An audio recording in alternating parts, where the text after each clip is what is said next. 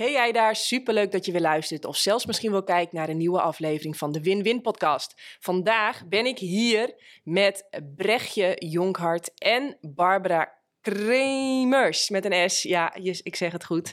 En zij zijn gespecialiseerd in relatietherapie en zij hebben daarvoor een tool die in Nederland nog helemaal niet bekend uh, is en dat is de Imago therapietool, ik noem het maar even zo. En ja, dat maakt me natuurlijk razend nieuwsgierig, want ik ken het ook niet. Dus ik wil daar graag alles van weten. Maar voordat we gaan beginnen, uh, vind je dit werk gaaf? Uh, de podcast die ik maak of de blogs die ik schrijf, die zijn gratis en die blijven ook gratis. Maar je kunt naar jannekevandermeulen.nl gaan en dan zoeken naar de knop doneren. En op die manier ja, je waardering aan ons overbrengen. Dat vinden wij echt ontzettend gaaf. Nou, dat gezegd hebbende, welkom Brechtje en Barbara. Dankjewel. Heel leuk dat jullie hier zijn. Wie mag ik als eerste het woord geven om eens even te vertellen ja, wie jullie zijn en wat jullie doen? Jij?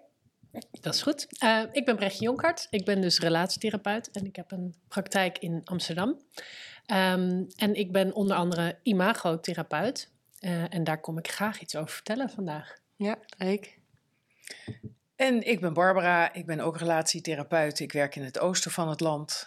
Um, en ik leid... Zelfs de nuchtere oosters uh, in het oosten. In het oosten hebben ze daar ook behoefte aan. Oh, Wauw. Ja, en voor onze relatieweekenden komen ze uit het hele land. Dus uh, ja, heel erg leuk. Uh, ik leid ook therapeuten op tot imago-relatietherapeut. Vind ik geweldig leuk om te doen.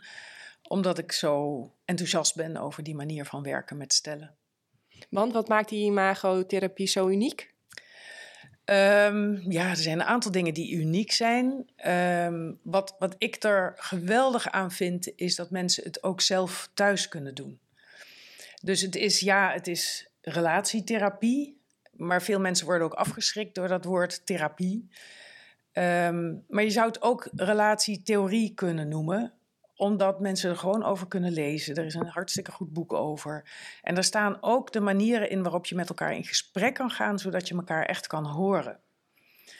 En dat is ook wat ik terugkrijg van stellen. Ik weet niet of jij dat ook hebt, dat ze zeggen: ja, we komen nu thuis echt met elkaar in gesprek.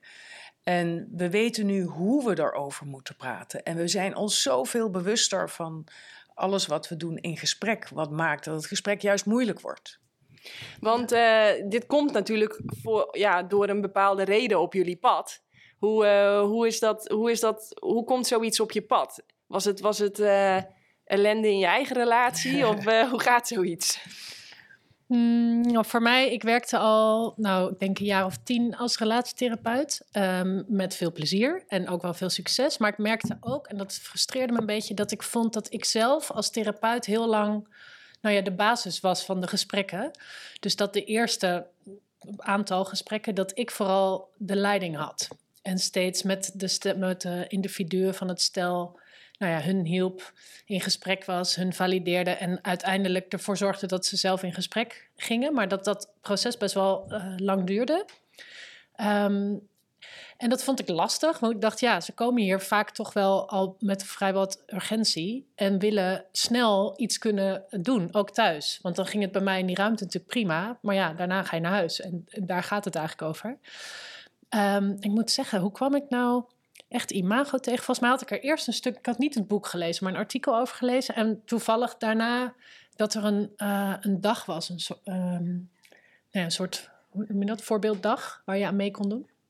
Dus die ben ik gaan volgen. En toen dacht ik, ja, dit is inderdaad precies wat ik zoek. Omdat de theorie ook nou, aanvullend is.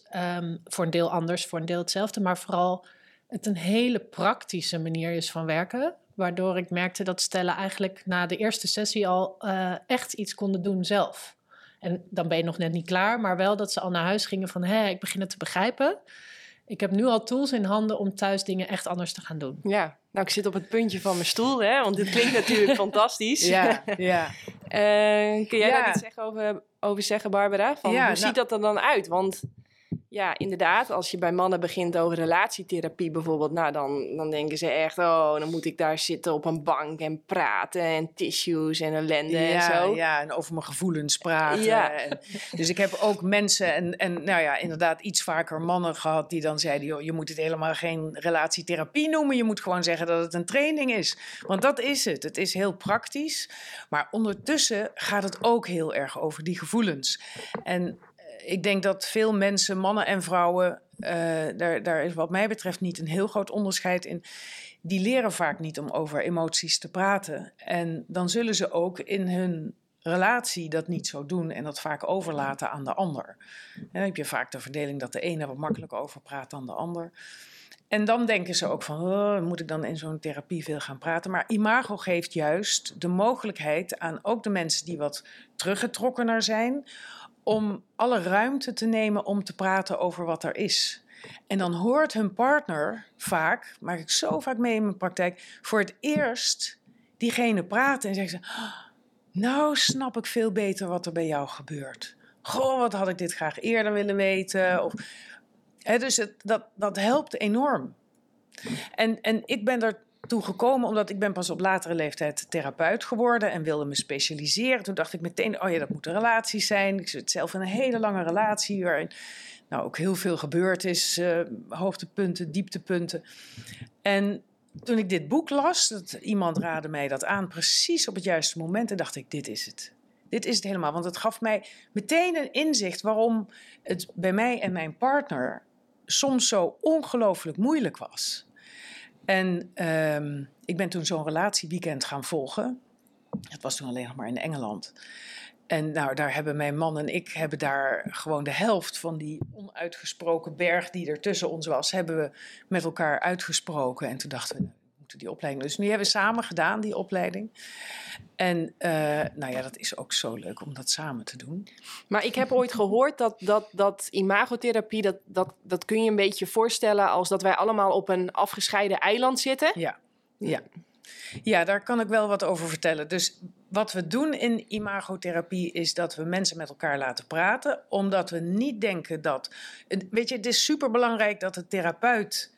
Uh, ik kom zo bij, bij die eilanden. Hè, dat, dat de therapeut heel goed kan meevoelen met de, met de cliënten. Uh, en dat hij, uh, dat ook snapt wat er bij die cliënten is. En dat hij ook die ander valideert, erkent. Um, maar ik denk dat het nog veel belangrijker is dat dat stel dat bij elkaar kan doen.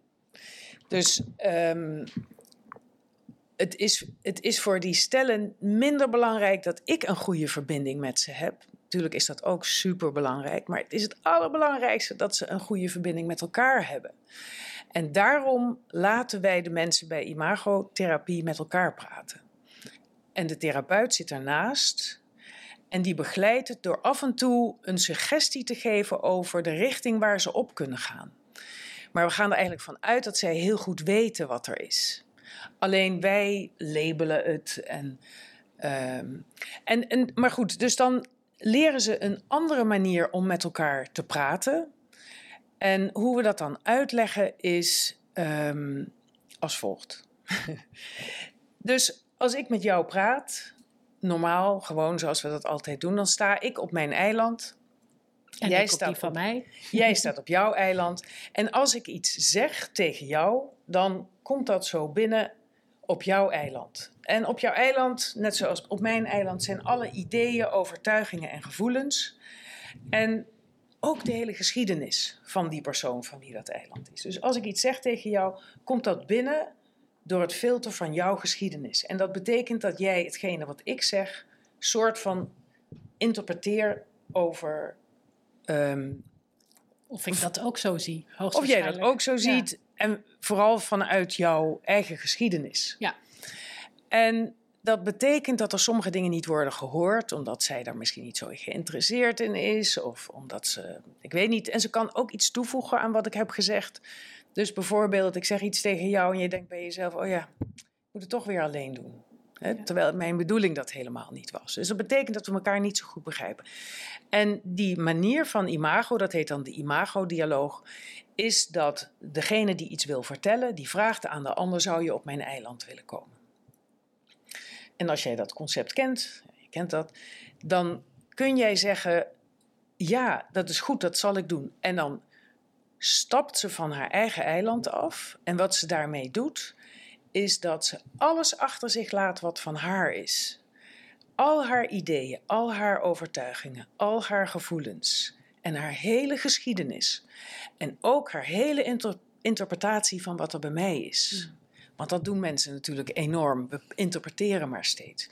En dan laat ze dat los. Ze laat dat allemaal achter op haar eigen eiland en komt op mijn eiland staan. En dan kan ze gaan horen wat ik gezegd heb. Namelijk met hele frisse oren. En met een, een, een nieuwe blik. Zo van, oh, wacht even. En daar wordt nieuwsgierigheid. Ja, oprechte nieuwsgierigheid. Oprechte dat is uh, nieuwsgierigheid. heel erg wat bij mij omhoog komt. Oprechte nieuwsgierigheid. En ik leerde ooit van Ed, uh, Edgar Schein, access your ignorance. Dus dat, ja, dat is eigenlijk ook weer oprechte nieuwsgierigheid. Dus dat je echt, echt oprecht nieuwsgierig naar bent. Wat beweegt die ander? Wat, wat, wat, wat, wat, wat, ja. Het is, weet je, het is de beste vraag die mensen aan elkaar kunnen stellen. Ook gewoon ja, op de hele wereld. Ik maak het nu misschien een beetje te groot. Hè? Maar hoe is het eigenlijk om jou te zijn? Ja. Hoe is het om in jouw schoenen te staan? En wat gebeurt er nou bij jou? En dan, dat vind ik wel leuk, hè? Die, die ignorance, om, om daarin te gaan zitten. Ik weet niet wat er bij jou gebeurt, maar vertel me erover. Dat is eigenlijk wat je doet. En dan ga ik vertellen, maar het vertellen wat ik doe, daar zit ook een, uh, nou ja, een eis aan eigenlijk in deze dialoog. Ik moet namelijk heel veilig zijn. Dus ik moet niet tegen haar zeggen als ze eenmaal op haar eiland staat: je bent een tut. Hè? Dat heb je zo verkeerd gedaan. Nou, dan ga ik eh, weer. Ja, precies. Want dan ga je weer. Dan vertrek je naar je eigen eiland en dan denk je bij jezelf: nee, dat ben ik helemaal niet. En dan luistert ze niet naar me. Dus ik moet er ook voor zorgen dat zij graag naar mij wil luisteren. Dus ik zeg geen dingen die verwijtend zijn of een oordeel geven. Of uh, ik ga niet zeggen, ja, jij vindt dat altijd puntje, puntje. Dan zeg ik, ik heb de ervaring dat jij dat wel eens zo gezegd hebt. En als ik merk dat jij dat zo vindt, dan voel ik me wat ontkend, bijvoorbeeld. Hè? Dus het betekent dat ik dus heel erg kan vertellen over wat er bij mij is, zonder dat zij mij onderbreekt. Want dat kan niet, want ze staat niet op haar eigen eiland. Ze kan niet bij haar eigen dingen. Um, en dat is fijn, want ik kan niet onderbroken worden. Dat betekent dat ik niet hoef te anticiperen op wat jij zal gaan antwoorden. Vaak doen we dat, of ik ben daar heel goed in, hè, dat ik denk van nou, als ik dit nou zeg. We zijn aan het scannen, toch? Ja, we zijn gewoon aan het scannen. Ja, daar ga je zo. Daarover later meer. Ja, precies. ja. En, uh, en, en dat is fijn. En wat dat betekent voor degene die op mijn eiland staat, is dat ze niet hoeft na te denken over haar antwoord. Want meestal zijn we al bezig met het antwoord voordat de ander is uitgesproken.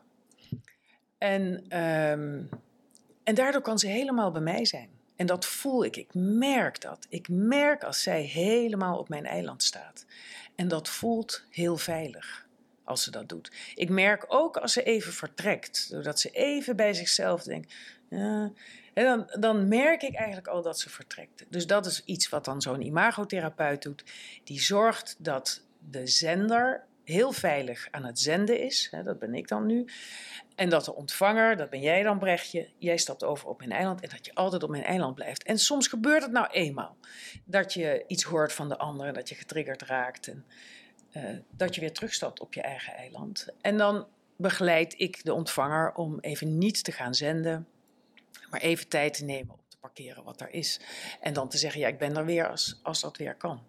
En dat maakt dat het, dat het zo veilig wordt, dat praten met elkaar. dat, dat zijn die eilanden. Ja. Ja, ik durf bijna niet te beginnen, maar ik ga toch wat zeggen. Ja. Maar uh, wat ik, wat, uh, ik ooit in en weet ik veel wat voor boek heb gelezen, is dat ook die oprechte betrokkenheid, dat dat echt, zeg maar, als je relaties wil vangen, wat is nou het succes van mensen die al 80 jaar helemaal happy de peppy uh, bij elkaar zijn, dan is dat die oprechte betrokkenheid. Dus echt iemand zien, horen en, en echt kunnen luisteren en echt aanwezig kunnen zijn. En wat maakt nou een relatie uh, kapot? Tuurlijk, vreemd gaan, liegen, bedriegen, inderdaad. Maar vergelijk een relatie met een knikkenpot. En iedere keer wanneer jij eigenlijk zegt: Ik kom op jouw eiland, maar even je telefoon checkt. Of toch even een mailtje afmaakt. Of toch denkt: eh, ja, eh, weet je, eigenlijk, zoals jullie dat dan zo mooi zeggen, van het eiland afstappen, Ja. dan gaan de knikkers uit die pot. Ja. Dus, en, en ja, als die knikkerpot eenmaal leeg is, ja, dan, dan, snap, ja, dan voelen mensen echt van, ja, we zijn dus niet meer verbonden met elkaar. Klopt, want ik denk dat het, het kan ook heel lastig zijn om oprecht goed naar elkaar te luisteren. Dat is natuurlijk het doel. Ehm, maar goed, we hadden net al even over een scanner, dat we tegelijkertijd in een gesprek onbewust altijd elkaar aan het scannen zijn. Wij nu ook allemaal, maar zeker ook in een relatie. Of je veilig bent. Ehm, dus wat een heel belangrijk onderdeel is van dat eiland gebeuren, is dat je het stel samen laat onderzoeken wat is onze taal van veiligheid. Omdat je op verschillende manieren getriggerd raakt door verschillende dingen, want je woont op verschillende eilanden. Ehm, en dat het heel zinvol is om dat samen te onderzoeken, want dat geeft ook informatie in hoe je een veilige partner kan zijn. Kun je daar iets meer over vertellen, over die veiligheid? Hoe werkt dat dan? Hoe dat werkt? Ehm, ja, ik heb altijd een breinverhaal. Eh, daar heb ik een handmodel voor geleerd. Ja, die is geweldig. Ja, ja. Ehm, ik vertel vaak aan stellen iets over hoe je brein werkt. En ik heb daar een handmodel ooit voor geleerd. Dus die pak ik even bij. Ehm, een handmodel, omdat dit dan is hoe je brein daaruit ziet van binnen. Dus dit is de hersenstam, dan is dit je brein en het zit zo in je hoofd. Ehm, en het brein heeft eigenlijk drie delen. Als je hem even plat slaat, hier zit het reptiele brein. Dat is het oudste deel van het brein, is het meest primitief. Ja, dat ehm, regelt de meeste lichaamsfuncties, je ademhaling, hartslag, bloedsomloop, spijsvertering, al dat soort dingen. En je primaire reactie op gevaar. Dus op het moment dat dit brein gevaar ziet, ga je een vorm doen van vechten, vluchten of bevriezen. Vleien is er aan toegevoegd. Ja, pleasen, toch? Pleasen, ja. Ehm, en dat gaat eigenlijk heel automatisch. Dat is echt inst- instinctief, zonder er verder bij na te denken. Dus als je hand in het vuur steekt, doe je dit waarschijnlijk. Iedereen doet dat. Nou, hier is verder, dit doet gewoon zijn ding. Ehm, daarboven zit het zoogdierenbrein. Met, en dat is ook waar onze emoties vandaan komen. Zit de amygdala onder andere. Eh, dit samen noemen we het oude brein, dus het onderbewuste. En eigenlijk houdt dat oude brein de hele tijd op de achtergrond in de gaten of je veilig bent of in gevaar bent. Ehm, en dat zoogdierenbrein is echt een hele belangrijke, want deze baseert of je veilig bent of niet op basis van eerdere binnengekomen informatie. Dit is ook waarom dus je jeugd zo belangrijk is, omdat eigenlijk gewoon de eerste jaren van je leven alles nieuw is en er dus heel veel informatie wordt opgeslagen. Dus met name de eerste zeven jaar van je leven, het gaat daarna nog wel door hoor, maar met name de eerste zeven jaar, ja, zijn alle situaties die je meemaakt, die moeten nog verdeeld worden, want dat ken je nog niet. Dus die komen, ik zie altijd twee laadjes voor me, dat zit er natuurlijk niet, maar even als beeld.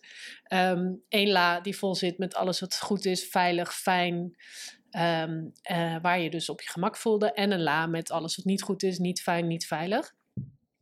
Nou, die zitten daar. En dan eigenlijk de rest van je leven, alles wat je meemaakt, wordt heel snel gefilterd door dat brein. En heel vaak zegt het dus, oh, dat ken ik. Komt uit die, bijvoorbeeld de veilige. En dan krijg je fijne emoties, zodat een soort wegwijzer van, hé, hey, dit is goed, hier, hier moet ik blijven. Maar goed, het kan natuurlijk ook zijn dat er een associatie wordt gezien uit die onveilige la. En dan gaat er een alarm af. Dan krijg je ook minder prettige emoties. Zodat je weet, oh, hier moet ik eh, vandaan, weg. Op zich supergoed, want anders zouden we natuurlijk als volwassenen nog steeds als een soort baby functioneren. Dus het helpt ons enorm. Ehm, maar er zitten ook wel wat kanttekeningen aan, want het heeft geen tijdsbesef. En het heeft ook geen gevoel voor personen. Waarover later meer. Dan hebben we nog een derde deel. Ja, maar sorry, ik ga toch even in. eh, Ja. Nou, dat, het heeft geen tijdsbesef. Bedoel je daarmee te zeggen dat dat zoogdierenbrein eigenlijk ook de hele tijd met de bril van het verleden naar het heden kijkt? Ja. En niet kan filteren van. Eh, dit is nu gewoon wat hier plaatsvindt tussen jou en mij in dit gesprek. En eh, dit En- is misschien iets. Ik zie hier onbewust mijn moeder zitten. Of mijn vader, of de oppas, of eh, die vreselijke. Dit brein kan dat niet. Nee. Nee, dat klopt. Bedoelde je dat te zeggen met het heeft ja, geen Dat tijdsbesef? heeft geen tijdsbesef. Ja, dus het, grof, het, het scant eh, en dat helpt ons, maar het scant heel grof. En dat moet ook wel, want anders zou het proces veel te lang duren. Ik heb nog wel een voorbeeldje daarvan. Ja? Dus kort. Als ik vroeger had meegemaakt dat telkens als bij ons in huis de deur heel hard werd dichtgeslagen, dat er dan daarna iemand boos werd. op mij of op iedereen, dan heb ik geleerd om me bijvoorbeeld heel erg terug te trekken. En dan kan het zijn dat in het hier en nu er een deur dicht waait en dat ik me helemaal even een beetje in elkaar krimp, omdat mijn oude brein zegt het is hier niet veilig. Dus iets wat heel gewoon veilig is, dat kan je in het hier en nu ervaren als onveilig, omdat dat zo geprogrammeerd is in vroeger. Ja, Ja. terwijl er in dit voorbeeld geen mensen meer zijn en niemand boos kan worden. Nee, Dat nee. was En allemaal ik weg, volwassen ben rest- en ik er iets mee kan als iemand boos wordt. Nou, het derde brein, het nieuwe brein, dus de neocortex, die zit een beetje omheen gevouwen. Daarom zit hij hier. Ehm, dat is ons bewuste brein, daar praten we nu mee. Eh, ik zeg altijd een beetje, dat is het brein van de extraatjes. Dus wat ons mensen anders maakt dan de andere zoogdieren, is dat wij bijvoorbeeld podcasts kunnen opnemen. Ehm, en, en relatietherapie kunnen ontwerpen en nou ja, dat soort dingen meer. In relatieverband, ehm, wat heel belangrijk is, is dat dit brein dus wel tijdsbesef heeft. Dus zolang je in dit brein zit, kan je bijvoorbeeld, stel dat je een ongeluk hebt gehad ooit op een bepaald kruispunt en je bent daar weer, je denkt, hmm, ik voel me niet helemaal lekker, maar dit brein is nog, nou ja, wakker of heeft nog eh, genoeg eh, te zeggen, dan denkt hij, oh, tuurlijk, dat komt omdat ik dat ooit heb meegemaakt, niks aan de hand hier. Oké, nou, ik voel me weer oké. Ehm, dus tijdsbesef. En wat heel belangrijk is, is dat hier zit ons zelfbewustzijn. Dus wij weten dat we bestaan als mens. Wij kunnen onszelf analyseren, ehm, min of meer aansturen. Vaak in ieder geval. En we hebben het concept dat iemand anders een ander iemand is dan wij. En ook dus iets anders kan voelen of denken of ervaren dan wij. In dezelfde situatie. Nou, dat is in relaties. Super handig tool. Dus zolang je allebei in dat nieuwe brein zit, kom je daar wel. Het hoeft niet, het is of heel leuk, of misschien niet per se leuk, maar je kan verbinding maken. Je kan dus oversteken naar elkaars eiland. Je kan elkaar begrijpen, je kan empathie opbrengen. Ehm, oftewel, er kan verbinding zijn. Maar ondertussen is dat oude brein dus aan het scannen op je eigen thema's. Dus misschien scan jij op harde geluiden. Even om dat voorbeeld. Veel mensen in de verbinding scannen op hoor je me wel echt? Zie je me wel echt? Neem je me wel serieus? Ehm, als ik nou iets ga zeggen, dan ben ik ondertussen aan het scannen of mijn partner dan niet boos op me wordt. Dat soort dingen. Heeft dus allemaal met vroeger te maken. Eh, en je kan er donder op zeggen dat, nou ja, dat gebeurt vooral bij partners regelmatig, dat dat oude brein iets ziet ehm, wat in de, in de niet veilige la zit. Dus bijvoorbeeld een beetje een serieuze blik. Of, een, of dat je een beetje wordt, dat je merkt dat je partner wat afdwaalt in het gesprek. Als dat in jouw oude brein in de onveilige la zit, dan is de kans groot dat je flipt. Ehm, en daarbij bedoel ik niet dat je gek wordt, maar dat je brein flipt. Dit gebeurt natuurlijk ook niet in het echt. Namelijk dat je onderbewust het overneemt en ineens zegt: Wow, we zijn in gevaar. En dat je dan dus gaat vechten, vluchten of bevriezen of vlijen. Ehm, en dat gebeurt in een split second. Ja, En heel vaak, op het moment dat dat bij de een gebeurt, gebeurt dat bij de ander ook. Want dat andere oude brein pikt dat natuurlijk op en die denkt ook: wow, wat is hier ineens aan de hand? En dat verklaart dat een oké situatie in no time ineens heel onveilig kan voelen. En dus bijvoorbeeld een ruzie of ijzige stilte kan veroorzaken. En dat mensen dan dus zeggen: ja, ik voel de verbinding niet meer. Ehm, dus dat is ja, het flippen van het brein. En dan is er ook geen verbinding, want dan zit je alle twee in je overlevingsmechanisme. nou ik zie het helemaal voor me, maar ik ben dan ook een beelddenker. Dat eh, je trapt iedereen direct van je eiland af en de bruggen worden allemaal opgetrokken en de muren Ja. worden gebouwd. Nou, Ja, En eh, de, de harnassen worden aangetrokken. En, en sommige mensen gaan inderdaad vechten als ze een harnas hebben. En sommige mensen eh, die, die, die, die kruipen in hun schild. En die, eh, ik, dat zag ik ook op jullie website. En dat heb ik echt heel vroeger ook een keer in zo'n boekje gelezen. Daarom moest ik erom lachen. De chimpansee en de schildpad. Ja, Hè, dus de een die gaat vechten en de ander die eh, denkt gewoon eventjes in mijn schildje. En gewoon zitten waar je zit. tot het En overgaat. verroer je niet. Ja, ja. Ja. Ja, maar wachten tot het overgaat. Ik hoor gewoon bij sommige stellen dat dat, dat wachten, dat dat, dat, dat, dat extreme en hele koude, kille vormen aan kan nemen. ja, ja, Gewoon van jaren Ja, in de schild. En op een gegeven moment ook niet meer weten waar de uitgang van dat schild is. ja. Nou ja, er ontstaan dan bepaalde relatiepatronen. Dus dit is in principe eh, een gezond mechanisme. Want het gaat natuurlijk over zelfbescherming op het moment dat er gevaar dreigt. Maar het probleem is, of probleem, maar wat lastig is, is dat er vaak eigenlijk geen gevaar dreigt. Zoals jij eigenlijk net aangaf. Dus we reageren vaak op dingen die niet echt gevaarlijk zijn. Ehm, en het moment dat je geflipt bent, ehm, zou op natuurlijke wijze ongeveer een half uur duren voordat je weer rustig bent. En dan ben je weer in je nieuwe brein. Maar wat er vaak gebeurt bij stellen is uh, dat dat steeds langer en steeds groter wordt, omdat hun ervaring is op het moment dat er dan weer misschien een klein beetje dit is en, en de een reikt weer uit naar de ander, dat het meteen weer opnieuw begint. En dan krijg je natuurlijk dat ja, mensen voor heel lang in hun vluchtmodus blijven hangen of in hun vechtmodus blijven hangen en eigenlijk niet meer weten hoe ze daar nou weer uit kunnen komen. Ja, en het is ook zo dat, dat heeft die Gottman ook gedaan, die heeft uh, gekeken wat gebeurt er uh, als een van de twee in dat oude brein terechtkomt. Dus jij trekt een wenkbrauw op en, en bij mij zit die in mijn verkeerde laadje. Dan flip ik bijvoorbeeld en dan, en dan word ik boos op jou. Dan zeg ik, waarom kijk je nou altijd zo lelijk naar mij? Bijvoorbeeld. En dus mijn manier om daarop te reageren, dat vechten, vluchten, bevriezen, dat is iets wat in jou laadje en jouw verkeerde laadje zit. Ja. Dat is vaak waar we ook onze partner op uitzoeken. Daar gaan we het zo ook nog over hebben, over hoe we onze partner uitzoeken. Uh, dus als ik in mijn oude brein terechtkom, dan kom jij daar in een fractie van een seconde, kom jij daar ook, ook. in. Ja. En als dat brein zo geflipt is, als je dus geen toegang meer hebt tot je bewustzijn, dan kun je niet zien dat je zelf in een stressmodus bent en rare dingen doet, hè, die eigenlijk helemaal niet zo goed helpen. Maar je kan ook niet zien dat die ander daarin is. Ja. En dan ga ik, als jij dan heel heftig op mij reageert of je juist terugtrekt, dan ga ik denken dat jij dat meent. Dat jij expres boos op mij wordt. Ja, jij wil mij nou eenmaal pijn doen, ga ik dan zeggen. Nou, en dan, en dan wordt het alleen zie maar. Zie je wel. Ja, zie je wel. Ook. Ja, zie je wel. Ja. Ja, Want dat, dus... dat onderbewuste, dat is denk ik nog wel belangrijk. Um, we maken ook verhalen. Kijk, als je heel erg een babytje bent, dus um, um, dat, dat flippen van het brein. Uh, wat ik mooi vind, is een heel mooi filmpje op uh, uh, YouTube, de Stillface Experiments, vrij bekend. Um, van Edtronic. Van Edtronic. Dat, dat is de goede. Ja, ja, nee, eigenlijk een stukje terug. Wat, wat, wat natuurlijk belangrijk is voor als je met stellen werkt, is dat ze dat flippen leren herkennen van zichzelf. Van, oh, hoe voelt dat in je lijf en hoe reageer ik dan? Wat is mijn flipvorm, zeg maar? Hoe kan dat eruit zien? En daarna wil je natuurlijk weten, wat zit er dan in dat zoogdierenbrein, waardoor wij elkaar zo triggeren? Nou, een een ding wat daar in ieder geval zit, is dus onze gevoeligheid voor verbinding. We scannen steeds, hè, is dit veilig hier? Uh, zijn we in verbinding? Neem je mij wel serieus?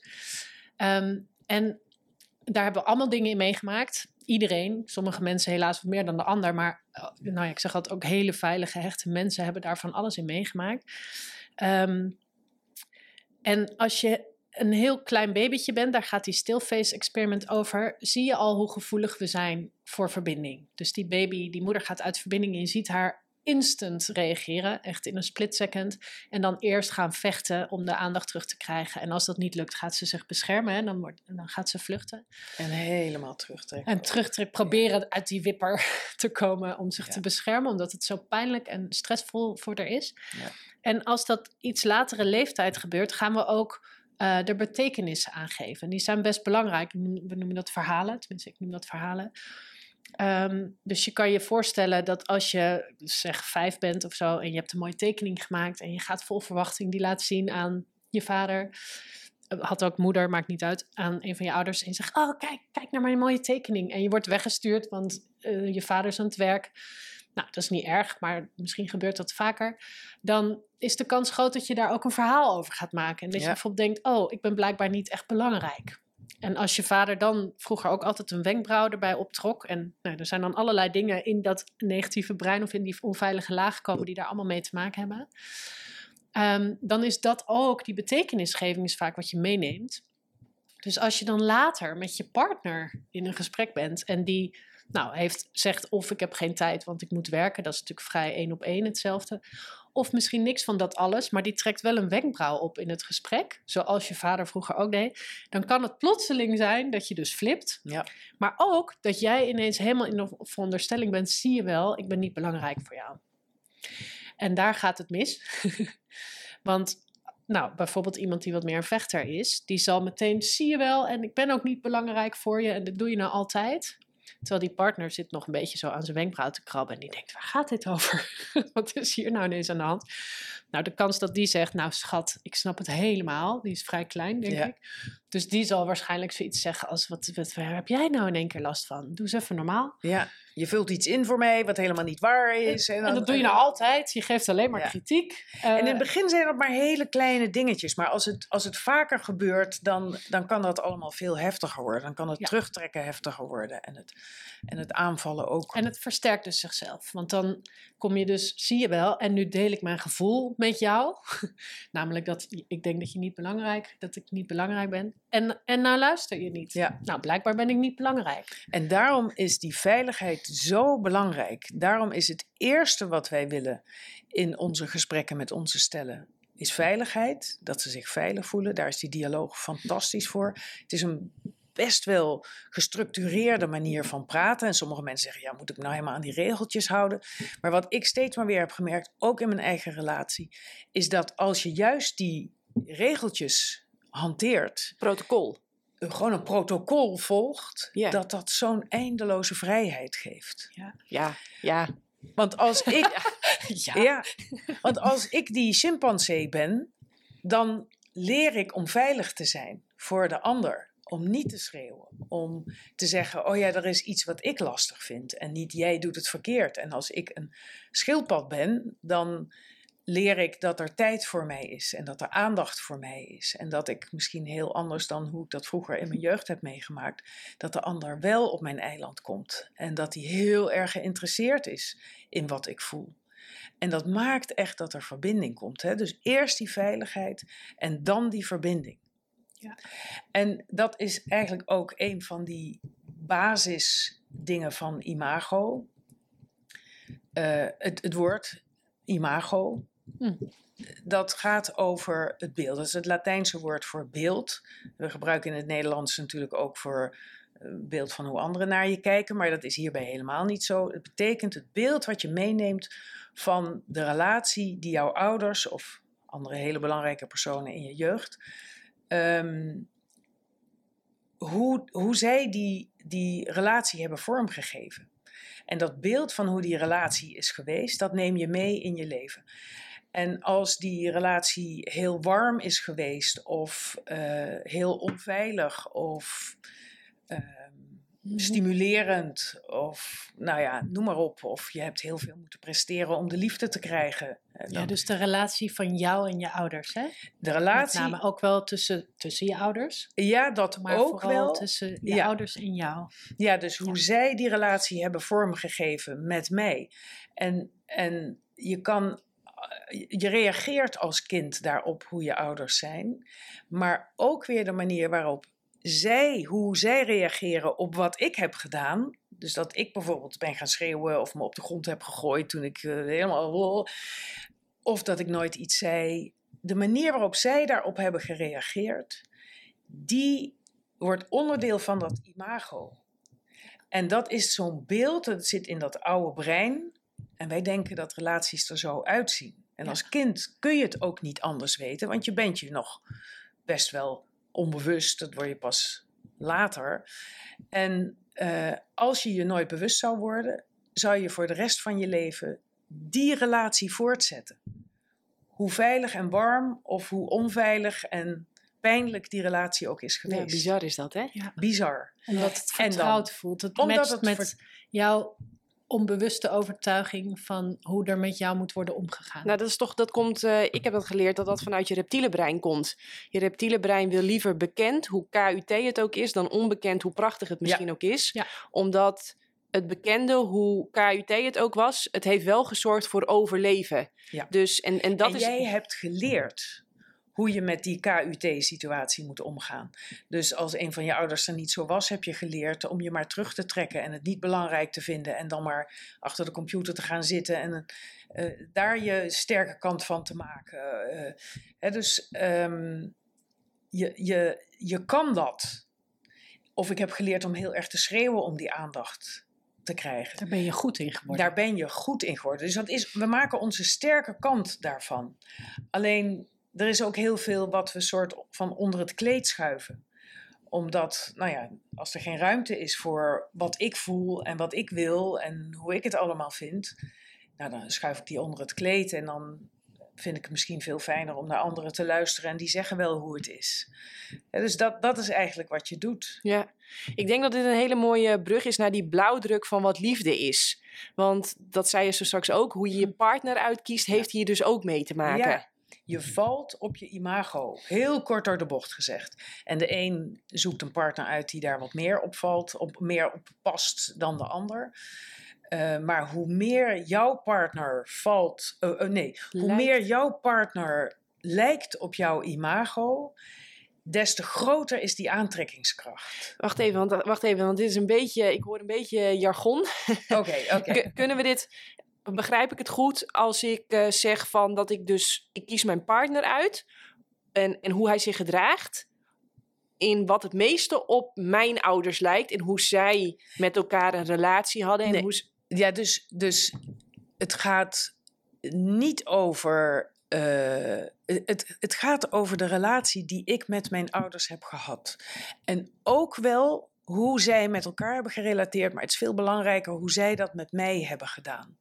En dan val ik op iemand waarbij ik datzelfde patroon kan voortzetten, want dat voelt vertrouwd, want ik weet hoe ik daarmee om moet gaan.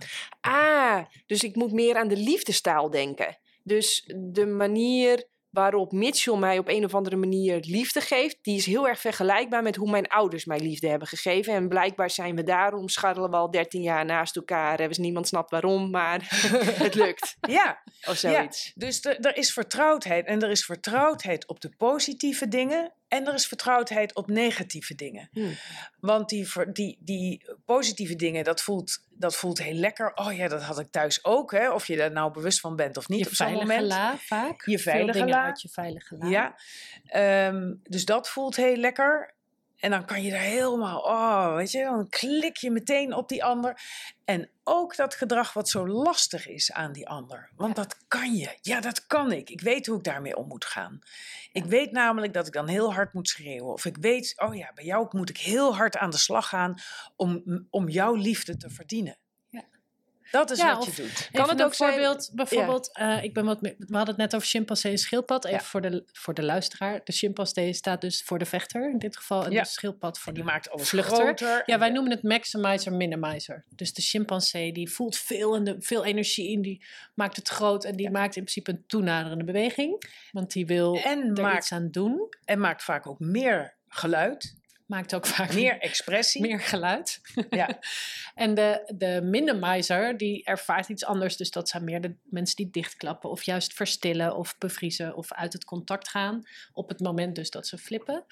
Ehm, ik herken me wat, zelf wat meer in de minimizer. Dus het gaat over als je geraakt wordt. Hè, want ik kan verder heel prima geluid maken. Maar op het moment dat ik geraakt word, klap ik dicht. Ehm, zonder daar helemaal op in te gaan. Maar dat, dat ken ik dus van thuis. Dat was mijn, mijn stijl, zeg maar. Zo deed ik het. Eh, en dan is de kans groot dat je op een partner gaat vallen. En zeker in eerste instantie, dus nog als je wat meer onbewust bent. Die dat andere laat zien. Waardoor er steeds weinig ruimte is voor mij om, mijn, ehm, ja, om te praten, om mijn verhaal te doen. En dat voelt heel comfortabel, want dat vind ik heel eng. Op het moment dat het er doet. Snap je? Dus dan onbewust kies je iemand die weer lijkt op dat van vroeger, waardoor er wederom weinig ruimte is, waardoor dat ergens heel comfortabel is, maar natuurlijk niet opschiet verder. Ja. Ehm, want dan is de uitdaging om, terwijl de ander dus een chimpansee zijn weinig ruimte geeft, toch te leren dat te praten. En dat is bijna, nou, dat is heel ingewikkeld. Ehm, nou ja, dat dus. Dus dan voelt het vertrouwd. Terwijl de ontwikkelingskans zit natuurlijk eigenlijk ergens anders. Anders blijf je de hele tijd in datzelfde stramien doorgaan. Ja. Klopt dat? Is dat een Ja. beetje goed? Ja, en, en dus, je, waar het, dus wat in die veilige la zit, dat is heel fijn. Daar zoek je iemand op uit. Maar ook wat in die onveilige la zit. Ja.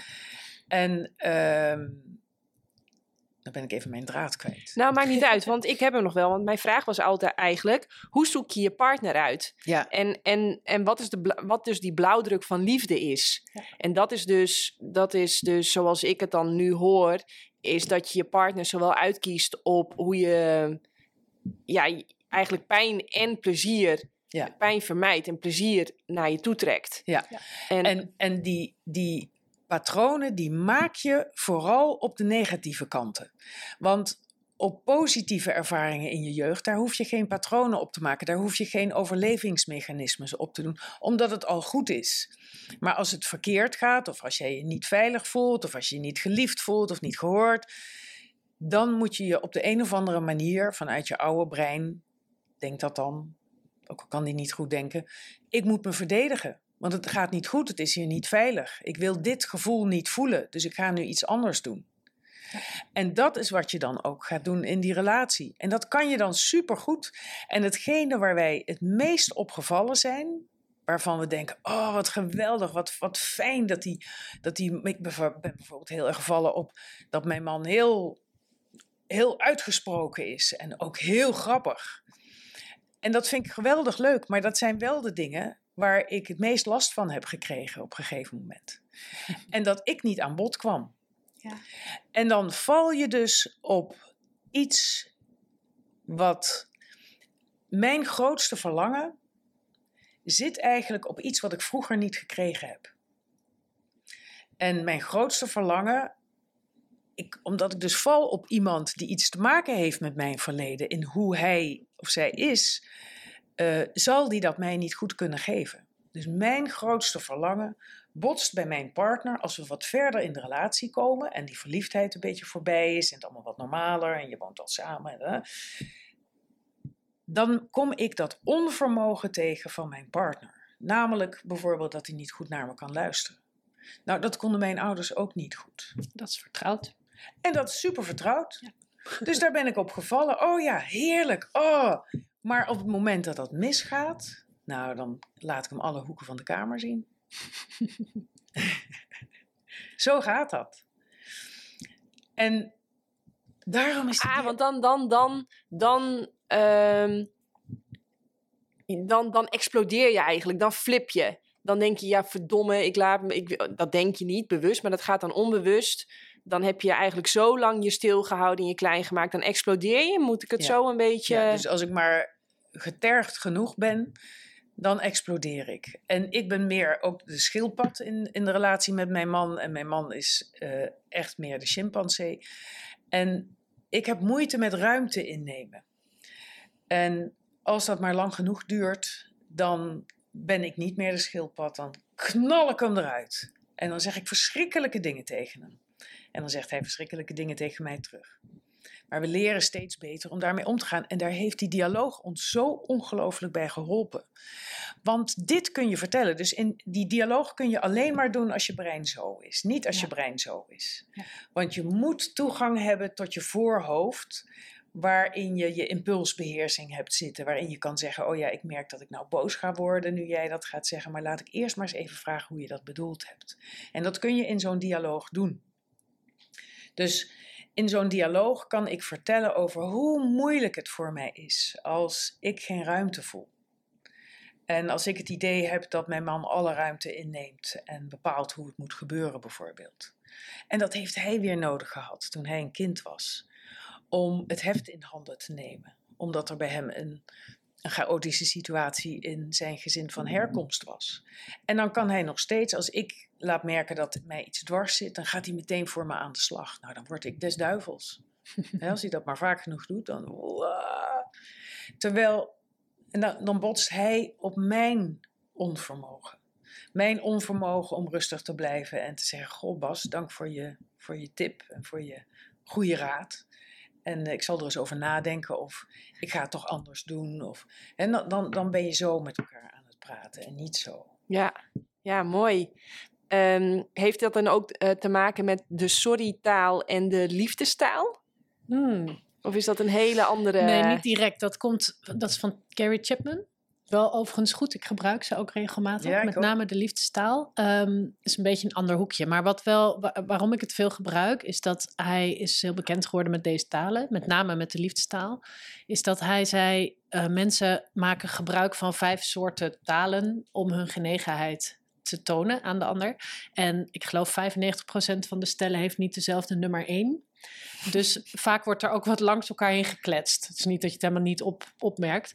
Ehm, en ik vind vooral, nou ja, het theorie-stukje daarvan is gewoon interessant, want het is heel herkenbaar voor stellen. Je kan een testje doen en kijken, oh ja, dan, ja, we hebben inderdaad niet dezelfde nummer één.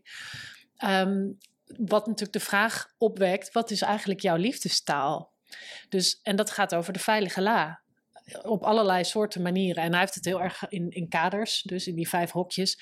Uh, ik bespreek vaak met mijn stellen, nou ja, een deel van, van het verhaal is, is elkaars taal ontdekken. Maar misschien ook wel je eigen taal ontdekken, want dat weten mensen zelf ook niet altijd.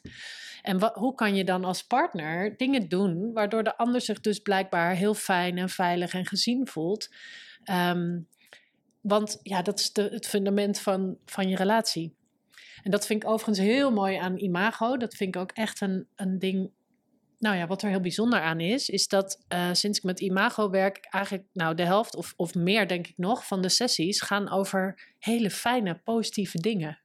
Terwijl natuurlijk vaak, en ik denk dat cliënten dat ook al denken van, oh, we moeten een therapie en dan wordt het alleen maar moeilijk en gedoe en dan gaan we het de hele tijd over ruzies hebben. Dat doen we ook wel, dat, dat kan, zeker. Um, maar die veilige la is hartstikke belangrijk. En misschien wel belangrijker. En ons brein is geneigd om veel meer aandacht te geven aan het onveilige. Dus twee derde tegenover een derde. Dus twee derde van de aandacht gaat naar het onveilige. Wat ergens logisch is, want daar komt het gevaar vandaan. Maar het is natuurlijk niet zo dat je relatie bestaat uit twee derde niet fijne dingen. Tenminste, meestal. Dus um, dat hele proces wat jij net beschreef, is geneigd om zichzelf te versterken. En dan ben je alsmaar, zie je wel, nou, blijkbaar ben ik niet belangrijk. En dan denkt dat brein, nou, ik moet je nog wat meer in de gaten houden, want je bent dus een beetje potentieel gevaar. Dan zie je waarschijnlijk nog meer dingen als bewijs, zie je wel, je vindt me niet belangrijk. Dus gedurende de relatie is het heel natuurlijk om langzaamaan een negatief relatieverhaal te schrijven, waarin je vooral de negatieve kant uitlicht. Nou, dan ga je dus vaker flippen versterkt zichzelf. Terwijl het niet per se waar is. Want je hebt waarschijnlijk heel veel fijne, leuke dingen. Maar op het moment dat het gewoon goed is, ja, dan gebeurt er verder niet zoveel. Dan heb je fijne ervaring. Maar er gaat geen alarm af. Dus het klopt niet met elkaar. Dus ik vind die liefdestaal gaat heel erg over, maar wat zit er allemaal in jouw fijne la? En waar voel je dan veilig bij? En wat kan ik doen en waarom om jou zijn je we geliefd? eigenlijk bij elkaar? Waarom zijn we eigenlijk bij elkaar? Ja. Ehm, en een hele belangrijke tool van Imago is waarderingsdialogen. Dus eilandgesprekken, maar dan echt over waarderingen. Die je vrij breed kan zien. Wat ik in jou waardeer op, op karakter, maar ook vooral op gedrag. Uh, want daar heb je wat aan. Dan kan je ook bewust gaan toepassen als partner. En wat ik zo mooi vind, en dat heb ik echt ontdekt door Imago, is dat je steeds eigenlijk op dezelfde plekken uitkomt. Dus dan gaan mensen voorbeelden geven van wanneer ze zich ontzettend nou ja, gezien of verliefd, eh, geliefd of verbonden of begrepen voelden. Terwijl ruzies, als je die uiteindelijk gaat uitwerken, wat we natuurlijk ook doen, over dezelfde dingen gaan. Maar dan, toen voelde ik me niet gezien en niet geliefd en niet begrepen en niet verbonden met je. Um, maar het verlangen naar die elementen, die, die is er gewoon. Dat is de basis. En de gesprekken natuurlijk over wanneer dat er wel is. En ook vooral dat die partner kan horen: hé, wat fijn, dus ik heb impact op jouw eiland. Ja. Oh, nou, en ook, en ook mooi. En het gesprek zelf zorgt voor een hele fijne verbinding over het algemeen. Nou ja, dat is natuurlijk een super positief iets. Ehm, en ik zie mensen nou binnenkomen helemaal in de stress en in de tranen. Soms komen mensen ook ruziend uit de auto. Nou, we, hebben nu, we hebben nu materiaal, want we hadden net ruzie, laten we het daarover hebben. En soms zeg ik, nou, laten we een waarderingsdialoog doen. En zitten ze me aan te kijken van, nee, ik ben niet goed, weet je. Ik, ik haat er, ik, heb, ik ben boos. En dan gaan we dat toch doen. En dan ineens in tien minuten later zitten er twee mensen die helemaal weer in een nieuwe brein zijn, verbonden voelen, weer helemaal weten waarom ze ook alweer bij elkaar waren. En dan zeg ik, nou, zullen we eens kijken naar wat er nou net in die auto aan de hand was? Maar die waarderingsdialoog is echt, ja, vind ik echt goud waard. Goud. Ja. ja. Het is zo belangrijk om die waardering uit te spreken. En wat we altijd doen, hè, dus eh, dat hele verhaal ook van dat verleden, wat zo belangrijk is, dat is wat mij betreft ook de kern waar mensen vaak niet aan toekomen of waar ze die niet kunnen vinden. En ook in zo'n waarderingsdialoog, daar zeg je ook waarom je het waardeert. Nou, ik waardeer zo in jou dat jij ehm, dat jij bijvoorbeeld ehm, eh, jouw social media zo ontzettend goed op orde hebt. Dat is het idee wat ik heb. Hè? En dan kun je dat in zo'n dialoog vertellen. Wat je in zo'n dialoog doet, is dat de ontvanger die op mijn eiland staat, dat die gaat herhalen wat ik heb gezegd. Dus dan zegt zij: Oh, dus wat jij mij waardeert, is dat ik die social media zo goed op orde heb. Dan zeg ik: Ja, dat klopt. En dan vraag jij: Is er meer? Daarmee laat ze zien dat ze op mijn eiland staat. En dan kan ik zeggen: Ja, want ehm, eh, weet je waarom ik dat zo waardeer? Omdat ik daar zelf eigenlijk niet zo heel goed in ben. Dus we, waard- we spreken vaak waarderingen uit over iets waarvan we denken dat we dat niet zo goed kan. Ja. En, en dan zeg ik, en waar mij dat aan doet denken van toen ik een meisje was, was dat ik eigenlijk vroeger niet zo aan bod kwam en dat ik niet zo heb geleerd om de aandacht op te vragen. En daarom vind ik dat zo leuk dat jij dat kan. En elke keer als ik dan een kort zinnetje heb gezegd, dan dat. spiegel jij dat en vraag je weer, is er meer? En dan leer jij iets over mij. Dus dan, ik spreek wel een waardering uit naar haar, maar ik vertel ook heel erg waarom ik dat juist zo waardeer. En ik heb dat echt moeten leren in mijn relatie. En ik doe het bij elk gesprek met stellen die bij mij komen, begin ik met een waarderingsdialoog. Omdat het het belangrijkste is. Waarom ben je eigenlijk bij elkaar? Ja. En dan, als ze dan net uit die auto komen, waarbij de een vond dat ze links en de ander dat ze rechts moesten, of wat dan ook. Dat is iets wat er tussenin komt te staan. En daar moet je het ook over hebben. Maar, maar maar dan vanuit het hele een- brein. Maar dan vanuit het hele brein. Ja. Op een hele andere manier met elkaar. Ja, mooi. Ik ben nu heel nieuwsgierig, want als ik dit zo hoor, dan zou dus eigenlijk iedere relatie kunnen slagen. Ja. dat, denk ik, dat denk ik wel. Bijna. Bijna Ja, elke relatie. elke soms, wel veel. soms speelt er. eh, Nou ja, zijn er gewoon dingen die onoverkomelijk zijn. Of die. ehm, Nou, ik, ik denk dat je een heel eind kan komen met het, het terugkrijgen van de veiligheid. En het. Kijk, uiteindelijk, ehm, als je genoeg veiligheid hebt, kan je alles bespreken. En kan je elkaar valideren, want je hoeft het niet eens te zijn, maar je kan elkaar echt begrijpen. En dan kan er empathie zijn. Dus wat dat betreft, dat stuk en dat flippen, dat, dat kan je redelijk managen. Alhoewel natuurlijk sommige mensen van veel verder komen dan anderen. Dus soms is het ook wel de vraag, willen we dit? Weet je, dit gaat wel zoveel van ons vragen. Ja. Ehm, Ja. Is dat het waard, zeg maar even? Wat, wat ik wel eens tegenkom, zijn er zijn ook wel onoverbrugbare verschillen. Zoals ik wil eh, vijf kinderen en de ander nul. Ja, dan zou je denken 2,5 is een mooie middenweg, maar dat is toch niet helemaal. Ja, of andere toekomstideeën. Ehm, eh, de een wil eh, vooral in het buitenland wonen en de ander wil vooral gewoon thuis, huisje, boompje, beestje. Ja, dan moet je ook denk ik kijken, ja, wil je er dan samen uitkomen? Ja, Toch? of, Dus, of, of ja. een van de twee kan niet zo goed naar zichzelf kijken. En, Ja. en daar is ook eh, dan misschien niet zoveel ontwikkeling in te zien. Dan kun je door deze gesprekken er wel achter komen hoe lastig je dat vindt Ja. van je partner. En ik denk dat je dan ook een, een goed besluit zou kunnen nemen om uit elkaar te gaan. Dat je zegt, nee, dit is toch niet wat ik wil. Ja. Ik denk dat het woord bereidheid ongelooflijk belangrijk is. Hè? Als mensen heel jong zijn en je zet ze in een dialoog. Gelukkig komen er ook jonge mensen die zeggen, nou, we merken dat er iets speelt. En, en die zijn ongelooflijk bereid. En die kijken elkaar echt heel erg de hele tijd aan. En, en je ziet dat het stroomt tussen die twee. En, en je hebt zoveel gradaties, hè? want dan zijn ze iets verder en dan hebben ze misschien een kind gekregen, is het soms lastig. En dan, en dan hebben ze een teleurstellende ervaring gehad, namelijk er is niet meer zoveel aandacht voor mij. En dan nemen ze misschien een klein beetje meer afstand en dan wordt die bereidheid ietsje minder. Ehm, maar als je ze dan met elkaar in gesprek zet, dan, dan laat je die groeien doordat die verbinding er komt. Maar er zijn ook mensen die komen bijvoorbeeld nadat er vreemd is gegaan. Of dat ze al heel lang niet met elkaar in gesprek hebben kunnen gaan. En, en dat een van de twee zegt, ik, ik ben het echt kwijtgeraakt. En dan is er eigenlijk heel weinig bereidheid. Dus het kan ook zijn dat er veel kapot is gegaan. Omdat ze te lang hebben gewacht. Ja. Ik, ik denk dat veel mensen uit elkaar gaan. Omdat ze niet goed eh, om kunnen gaan met elkaars en daarbij ook hun eigen oude hersenengedrag, dat vechten, vluchten, bevriezen. En omdat ze daardoor een afstand nemen, omdat ze eigenlijk naar aanleiding van wat ze hebben meegemaakt in hun verleden iets invullen voor die partner. Want als ze niet meer met elkaar in gesprek gaan, dan snappen ze niet meer zo goed wat er bij die partner is. En dan moeten ze wel invullen om iets te kunnen begrijpen. Hè. Dat doet ons brein Dan wordt het verhaal alleen maar groter. Dan wordt het verhaal alleen maar groter. En eh, dan, dan wordt mijn bereidheid ook steeds minder om echt op het eiland van de ander te gaan staan. Ja, want dan moet je helemaal je eigen verhaal loslaten. Ja, Dan moet je je Ja. hele eigen verhaal loslaten, wat je zo goed dichtgetimmerd hebt. En, waarin je ook juist zo duidelijk zegt dat je partner de vijand is. Dus Ja. waarom zou je dat dan willen? ja, Ja. ja, en je moet, je moet zorgen dat je veilig bent. En dus moet je dat wel blijven denken dat jij onveilig bent. Ja. Want stel je voor dat ik jou toch, nou oké, ik ga jou zien als veilig. En je wordt weer een keer boos op mij. Hè, dan, dan word ik twee keer zo hard geraakt. Ik denk dat het ook helemaal niet erg is als stellen besluiten om uit elkaar te gaan.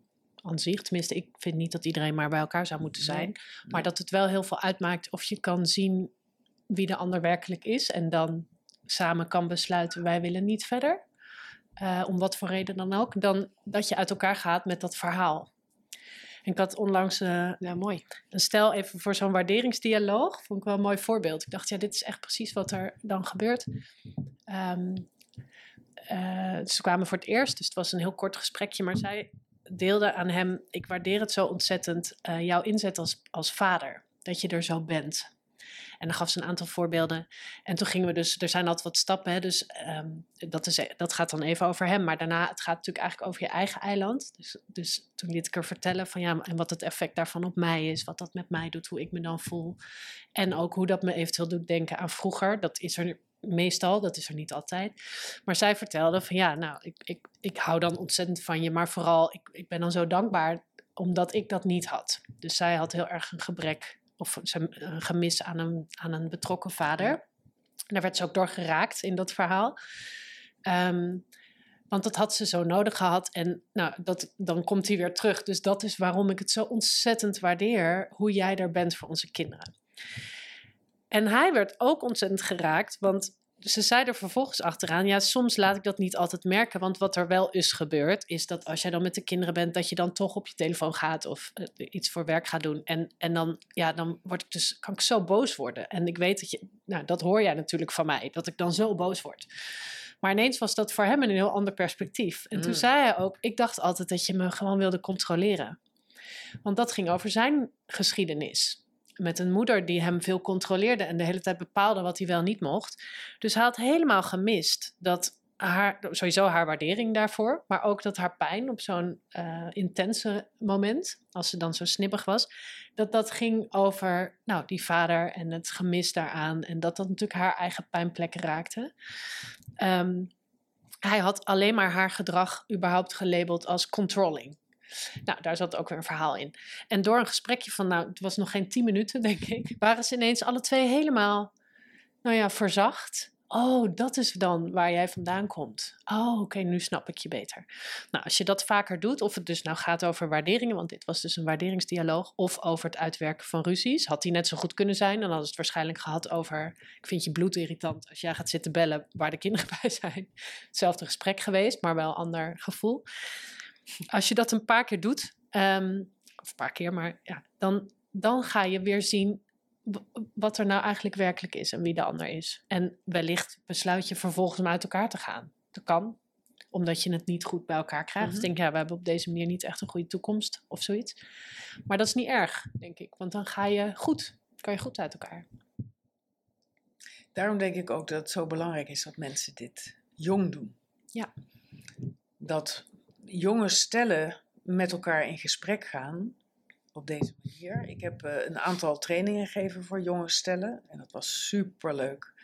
Hele leuke feedback ook daarover. En eh, dat ze zeggen, ja, ik snap nu eigenlijk veel beter wat er bij de ander gebeurt. En daarbij, we hebben een gereedschap om dat thuis te gaan doen. Ja, misschien is dat leuk. Want ik vind het wel leuk. eh, want we, ik word ook enthousiast van, eh, van het eh, waarderingsgesprek. Het, het, het oogt voor mij echt als het trainen van je dankbaarheidsspier. En je kunt niet dankbaar en boos of gestrest of agressief tegelijkertijd zijn. Als je dankbaar bent, dan ben je dankbaar en dan is alles. De hele wereld is ineens eh, een fijnere plek. Ja. Ehm, dus hoe zouden we thuis met de huis, tuin en keuken eh, apparatuur, zeg maar, al, al kunnen oefenen met een dankbaarheidsgesprek? Ehm, in ieder geval denken aan die, aan die eilanden en dat je afspreekt op wiens eiland je met z'n tweeën staat. Ja. En op wiens eiland sta, je staat, dat wordt degene die gaat praten. En die houdt korte zinnetjes. En de ander die op het eiland staat van de ander, die gaat dat spiegelen. En dat is wel hetgene wat mensen meestal het meest ongemakkelijk vinden. En die gaan dan een beetje giechelen. En ja, dat doen ze eigenlijk nooit.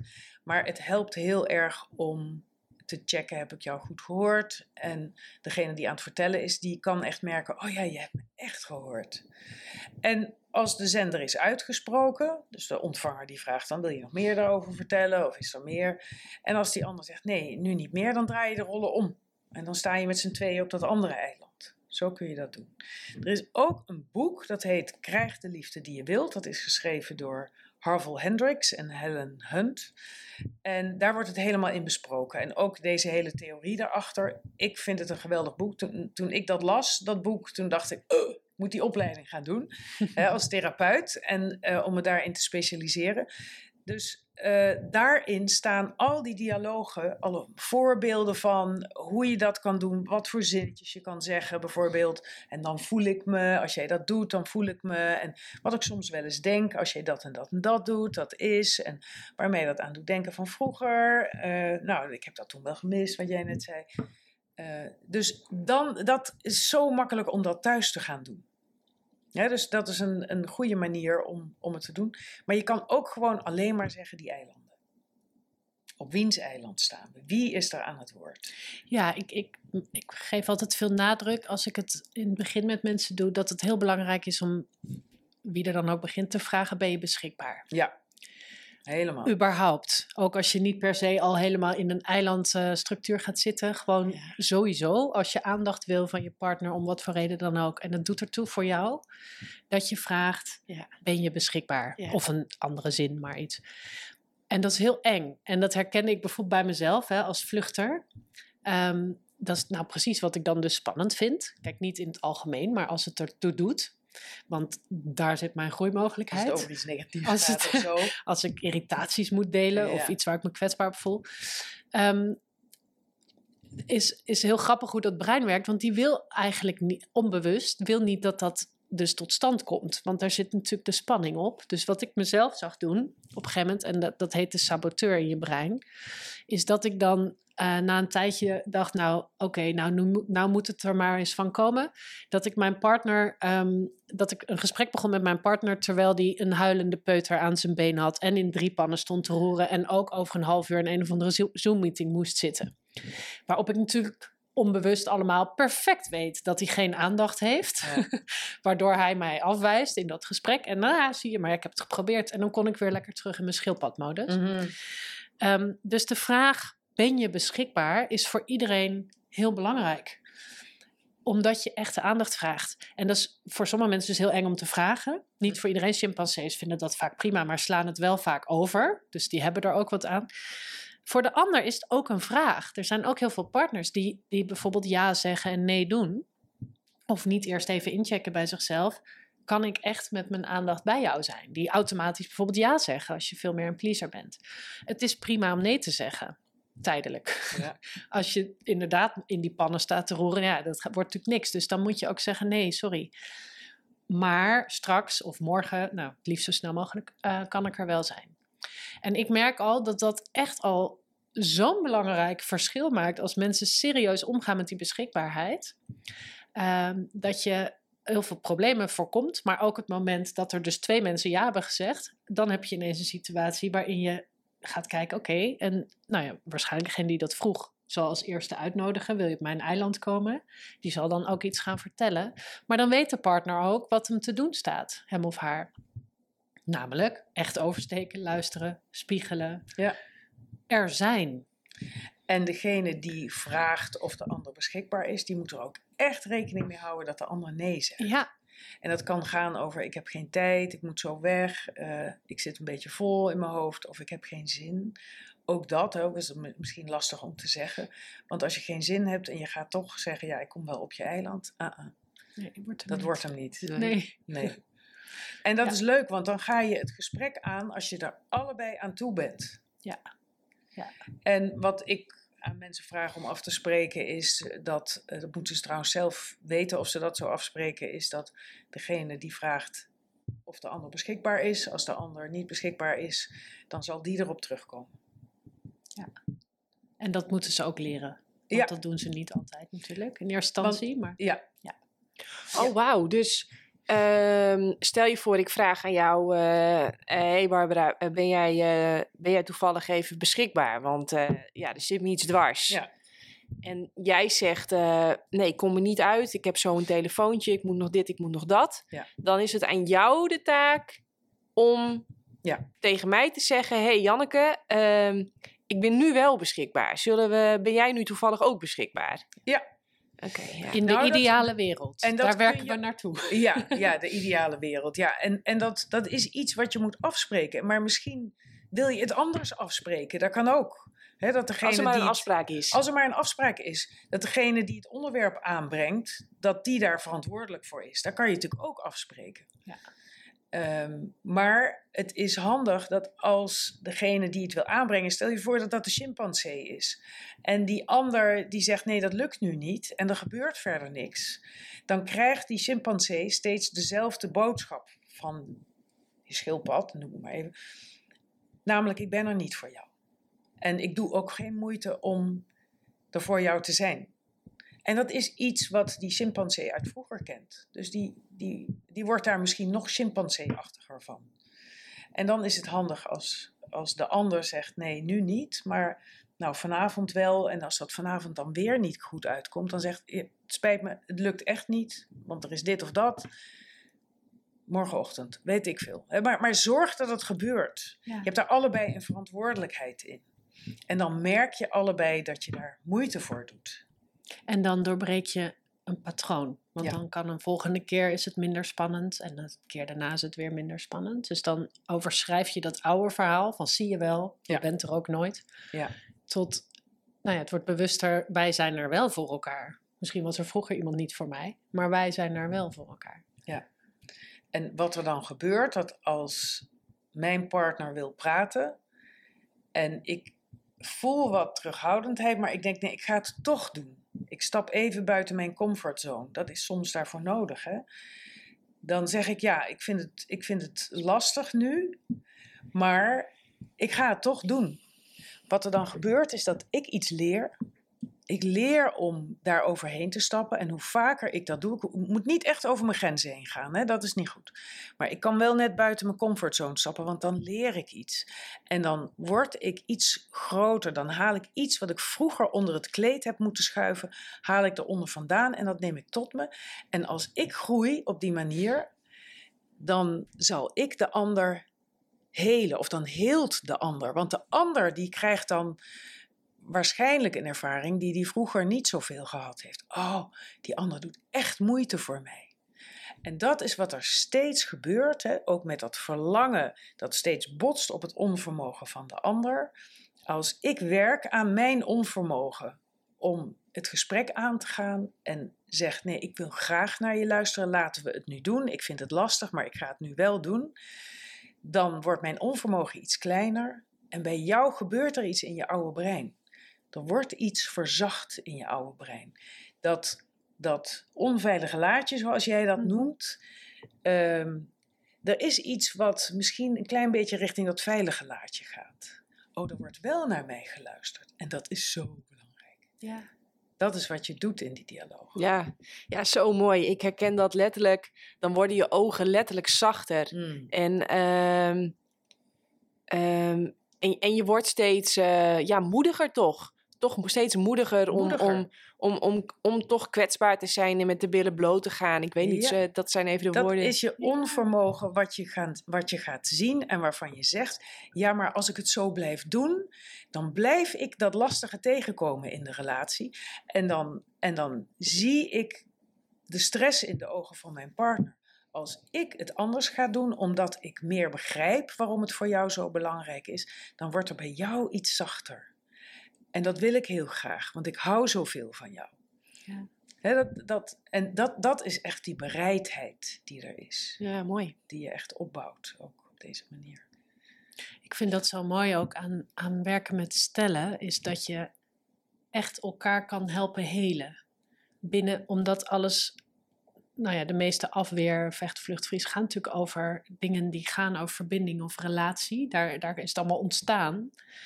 Is in een relatie kan je het ook weer helen. Dat is toch ook de functie van een relatie al, dus Ja. eh, Eckhart Tolle. Ja, nou precies. Je enige relatie Ja. is... eh, ja, de enige doel van het hebben van een relatie is eigenlijk eh, ja, wakker worden. is heling. Ja, en dat kan je natuurlijk. Er zijn ook allerlei technieken en tools om jezelf te helen. Ik bedoel, dat is ook prima. Maar wat ik zo mooi vind, er is geen verbloeming in de kamer. Want de mensen reageren gewoon op elkaar. Hoe Ja. dan ook. Ze kunnen zich soms een tijdje inhouden, maar uiteindelijk, het gebeurt gewoon. En wat leuk is, dat doet het mij nu even aan herinneren. eh, dat, doe, dat, dat denk ik nu aan. Dat die, die heling, waar wij het zo straks over hadden, is eigenlijk weer die herinnering aan die eenheid. Ja, Die er al was. En wat jij ook zo mooi zegt, ja, er komt soms iets tussen, tussen die verbinding. Maar die verbinding was er al. We waren al één. Jij bent al ik en ik ben al jij. En als je dat. Ja dat, dat, dat, is, dat, dat, is, dat is die heling. Ja, klopt. Die heling is weer. Oh ja. Het, het, we, ja, we waren al verbonden. Ja. We waren al verbonden. En jij bent iemand anders dan ik ben. Maar samen zijn wij één. En ik denk dat je dat over iedereen zou kunnen zeggen. Hè? Dat, we, dat we allemaal een geheel vormen met elkaar. En ieder zijn wij die verschillende, al die verschillende punten, maar die kunnen juist in hun verschillend zijn zo goed die verbinding met elkaar aangaan. En vooral als je aan elkaar vraagt, hoe is het eigenlijk in jouw schoenen te staan? En dan voel je die verbinding. En dat is waar mensen naar op zoek zijn. Dat is hoe mensen onze, onze praktijk binnenkomen. Ook al zeggen ze, eh, mijn partner die zegt vreselijke dingen, mijn partner is vreemd gegaan, ik ben vreemd gegaan, eh, eh, we zijn elkaar kwijtgeraakt. Het maakt niet uit wat ze zeggen, ze zijn op zoek naar verbinding. Dat is het. Dat is waar we naar op zoek zijn, om die eenheid te voelen. Want dat voelt zo ongekend lekker. Ja, en dat is wat we herkennen. Ja, Dat is wat we precies. herkennen. Ja, Dan ben is, je en- thuis. En we zijn daaruit thuis, ja. geboren. Hè. We- Ja. Het, het heeft te maken uit, met het feit dat we zoogdieren zijn. Dus we hebben onze ouders nodig. We hebben die verbinding nodig om te overleven. Anders gaan we dood. Maar ik denk dat het nog veel verder gaat. We zijn echt verbonden. En mensen kunnen wel de illusie hebben dat ze niet verbonden zijn. We zijn altijd verbonden. Ook als ik boos op jou ben, dan ben ik nog steeds verbonden met jou. Alleen er gebeurt iets heel anders. En we gaan op een andere manier met elkaar om. En we kunnen die verbinding voelen als we dat op zo'n manier met elkaar doen. Ja. Ja. Als dat lukt. ja, en mooi. dan praktisch, want er is ook toch, dat is van de laatste jaren steeds meer bewijs hoe harten op elkaar reageren Mm. en ademhaling, hoe, hoe, hoe nou ja, fysi- fysiologisch we elkaar afstemmen op elkaar. Nou ja, goed, daar ben je over het algemeen niet echt bewust van. En ik denk bij Imago ehm, maak je dat veel bewuster door mensen tools aan te reiken hoe je dan kan afstemmen in die veiligheid. En ze voelen het wel Ja. allemaal. Iedereen voelt het. Je ziet het gewoon voor de ka nou, in de kamer gebeuren ineens. Ik noem het altijd maar zitten ze in die bubbel. ja, en dan is, is het daar. Je kan het gewoon voelen. Ja. Ehm, en dat vind ik zo fijn aan deze methode. Dat het zo stapsgewijs is. Dat mensen ook snappen wat ze doen om daar te komen. En dat is denk ik echt een, een meerwaarde. Want Ja. dat kan je thuis ook gaan doen. En dan kom je er weer. Je kan het hebben over hoe je verschillende afwasmachine inruimt. Of eh, eh, dat, je, dat de ander de schoenen laat slingeren. Je kan het over hele eenvoudige dingen hebben. Want ik denk dat onder al die dingen zit het hele patroon. En je kan gewoon met elkaar zeggen, nou wat ik daar lastig aan vind. En je kan op het hele praktische blijven. En je kan, als je wil, kun je daar dieper naar gaan kijken. En als je zegt, nou we komen niet dieper, dan ga je naar een therapeut toe. Want die staat buiten jullie patroon. En dan kan die je helpen om net wat stappen meer naar beneden te zetten. Maar het is zo praktisch. Ja. Zo praktisch. Ja, leuk. hey, en ehm, stel je voor, ik zou deze opleiding willen. Ik, ik wil ook imagotherapie. Of ik wil in ieder geval de tools op zak hebben. Wat, eh, wat kan ik doen?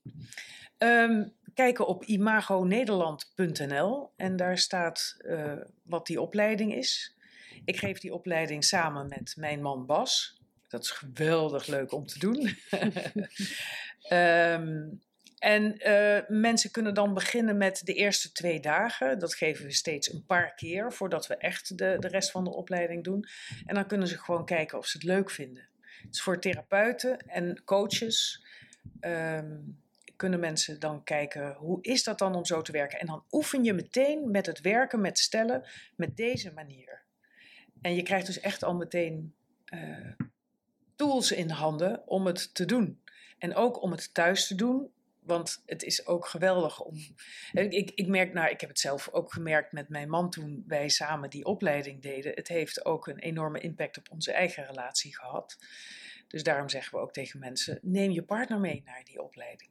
Ja. dat kan ook. Ja, want je zei het dus voor coaches en therapeuten, de meeste mensen zijn zoiets. Niet per se relatietherapeut. Tenminste, in mijn jaar was zeker niet iedereen nee hoor, nee, relatietherapeut. Het kunnen ook gewoon therapeuten zijn die zeggen... ja, ik werk vooral individueel, maar ik zou ook stellen willen Precies. doen.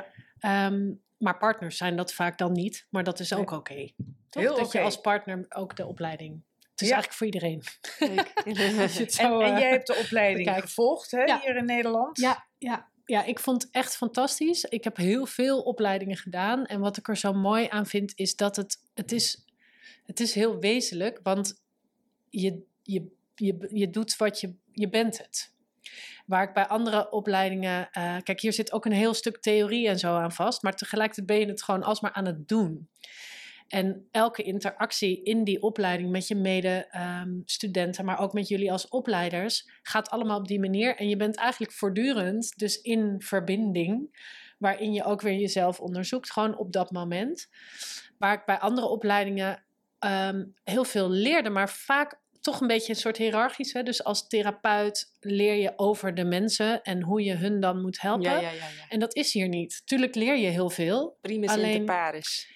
Het is, ja, het is zo anders omdat je kan ervan uitgaan als je mensen terugbrengt in verbinding dat de rest vanzelf gebeurt. Ja, the client owns the problem, but also the solution. Nou, mhm. Precies, dat precies. En wat ik echt ook heel, heel, heel interessant vond, ook voor mij dus als schildpad, was in dat jaar ook alles kwam op tafel. Wat er ook maar tussen mensen gebeurde en wat iedereen overal maar meemaakte en zo. En, en, en dan dus vanuit een echt menselijk, ja, menselijk kader. Dus dat vond ik heel bijzonder. Dat ik op die manier heel veel weer geleerd heb over mezelf. Ja, en je neemt jezelf zo mee in die therapiekamer als therapeut. Ja. En je triggert ook op mensen. Omdat jij ook met je hele geschiedenis, jij zit daar ook met je eiland. Ja. En soms dan, dan zit je natuurlijk op het eiland van het stel, maar uh, af en toe word je goed teruggeworpen op je eigen eiland. En hoe kun je datgene wat er bij jou van binnen gebeurt weer gebruiken om daar te doen. En, en ja. wat heb je te leren als Dus er is geen hiërarchie. Het is echt, er zitten gewoon drie mensen in de kamer ja, die exact gelijk zijn, behalve ik in dit geval iets, net iets meer kennis heb van relatieachtige dingen. Maar verder, ja, dat valt weg. En dat vond ik echt heel, uh, nou ja, mooi. Maar daardoor kon ik ook mezelf echt weer veel meer leren kennen. Mhm. Op een ander level dan daarvoor. Ja. Ja. Waar kunnen we jouw werk uh, vinden, Brechtje? Um, op jonkhartenziel.nl. Dat is de, mijn praktijk in Amsterdam-Noord. En ik heb een platform voor online uh, relatiecursussen. En dat heet eenfijnerelatie.nl. Dus daar ben ik allebei te vinden. ja.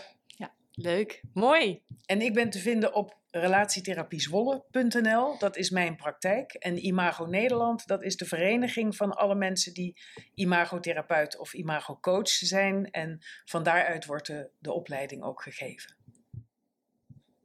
Mooi. Nou, wat ik uh, razend interessant vind, is hoe heeft, hoe heeft dit eigenlijk invloed op je gezondheid?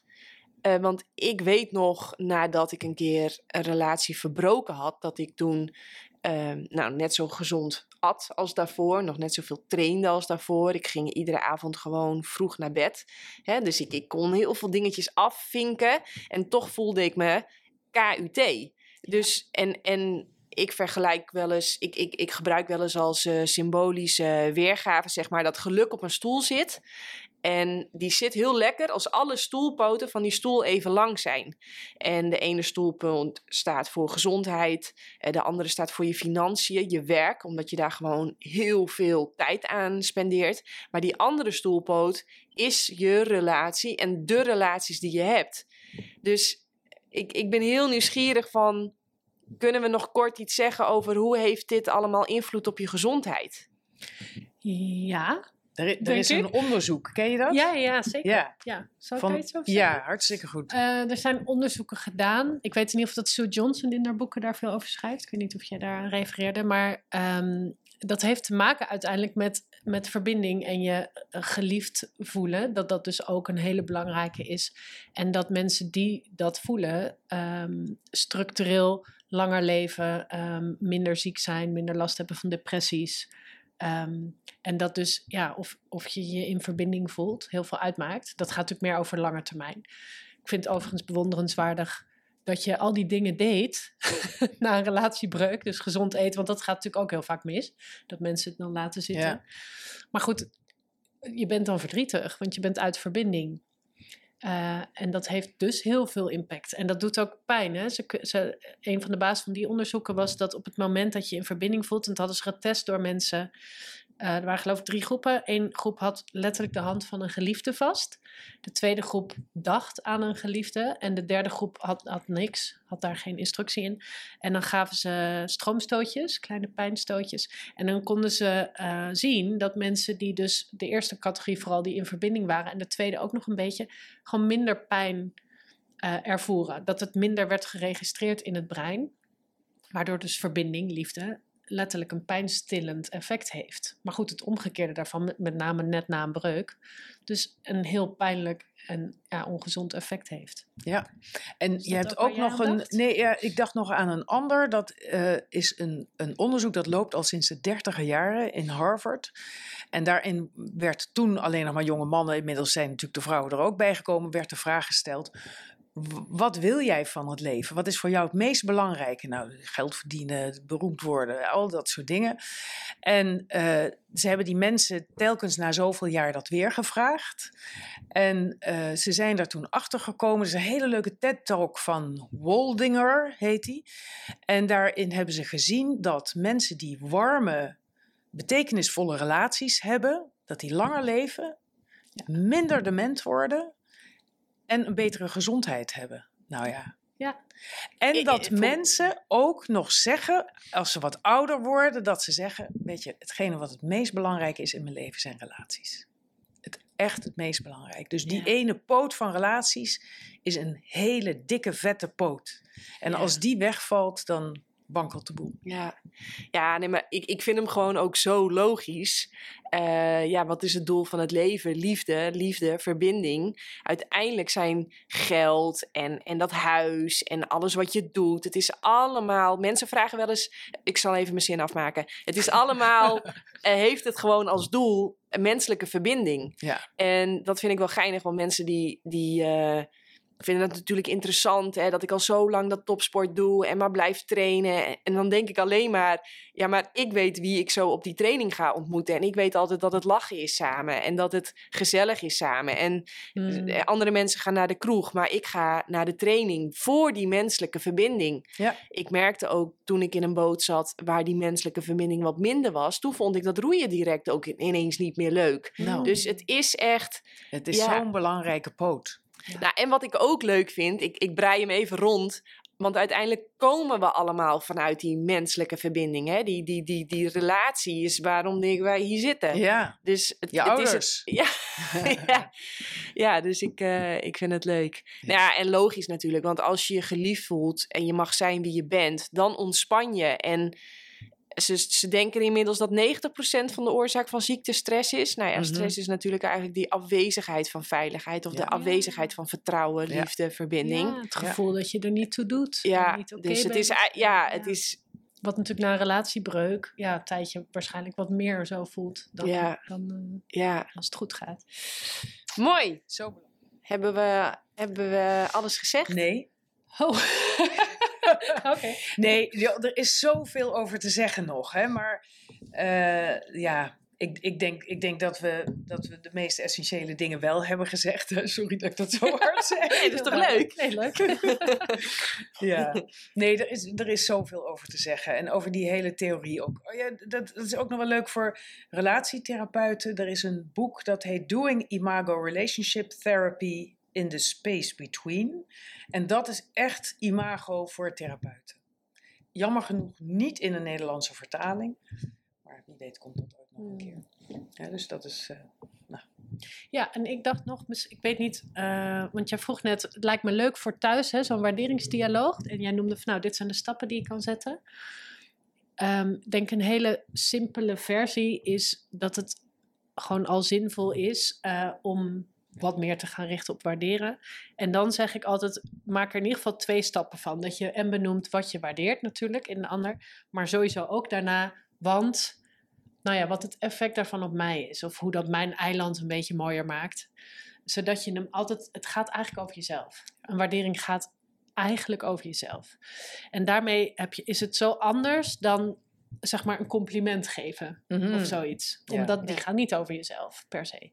En ik merk dat dat vaak echt al ja, een groot verschil maakt. Ja. Dus die wou ik nog even toevoegen, want dat is eh, simpel. Ja, nee, ik vind hem wel super waardevol. Omdat eh, als ik aan compliment denk, eh, dan schuurt er iets bij mij. Want het is eigenlijk een soort van positief oordeel. Precies. Ja, Ja. Ik bepaal of jij iets goed of Ja. niet goed. Ja, Ja.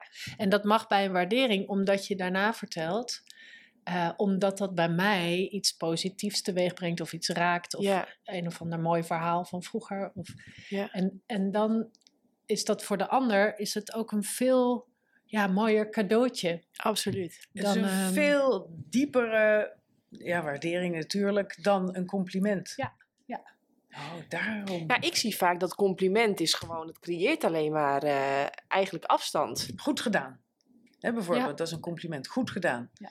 Ja, wie ben ik eigenlijk om te zeggen dat jij het goed gedaan hebt? Ja. Heb je een mooi jasje aan. Ja, Ja. Ja. Dan bepaal ik het. dan bepaal jij dat ik een mooi jasje heb. Maar ik zou wel kunnen zeggen, wat ik heel erg waardeer, is dat je zo mooi hebt aangekleed. Ja. Want voor mij betekent dat dat je dit eh, gesprek serieus neemt. Dat je daar moeite voor wil doen. Ja. En dan heb ik ook het gevoel dat ik, ja, dat ik serieus word genomen. Hmm. Dat we dit samen aan het doen zijn. Ja. Nou, daar zou ik dan eventueel een heel Nou, verhaal en, over en, kunnen en vertellen. dat is natuurlijk geweldig, hè? Want dan, dan denk ik, oh wat leuk. Nou, wat fijn dat ik... eh, hè. Dus dat is echt, dat maakt het veel dieper. Ja. Ja. Ja. Ja, leuk. Leuk staartje nog even. Ga ik hem toch afsluiten. Ja, Yes, Heel erg bedankt ja. voor jullie Jij tijd. ook bedankt. voor jullie Dankjewel. aandacht. Ja. Heel Fijn dat we interessant. het mochten vertellen. Echt. Ja. Ja. want nou ja. Is fijn als meer mensen dit weten. Ja. Dat dit mogelijk is. Ja, leuk. Jij ook heel erg bedankt voor het kijken, voor het luisteren. Vind je dit gaaf? Deel het volop op je social media. Je mag natuurlijk ook naar jannekevandermeulen.nl gaan en dan zoeken naar de knop doneren. En dan zou ik zeggen tot de volgende keer. Doei! Zou je eigenlijk wel meer plantaardig willen eten, maar heb je geen idee hoe je dat op een gezonde, verantwoorde manier voor jezelf en je gezin doet? Lees dan het boek De Eiwitleugen. Mijn naam is Janneke van der Meulen en in 2018 en 2022 werd ik wereldkampioen kustroeien. In 2021 werd ik na een energieke zwangerschap en soepele bevalling moeder van onze dochter. Alles op een dieet van fruit en planten. Kijk, je kunt nog zoveel diploma's hebben, geluk, talent, connecties, geld. Maar energie is uiteindelijk wat het verschil maakt voor resultaat.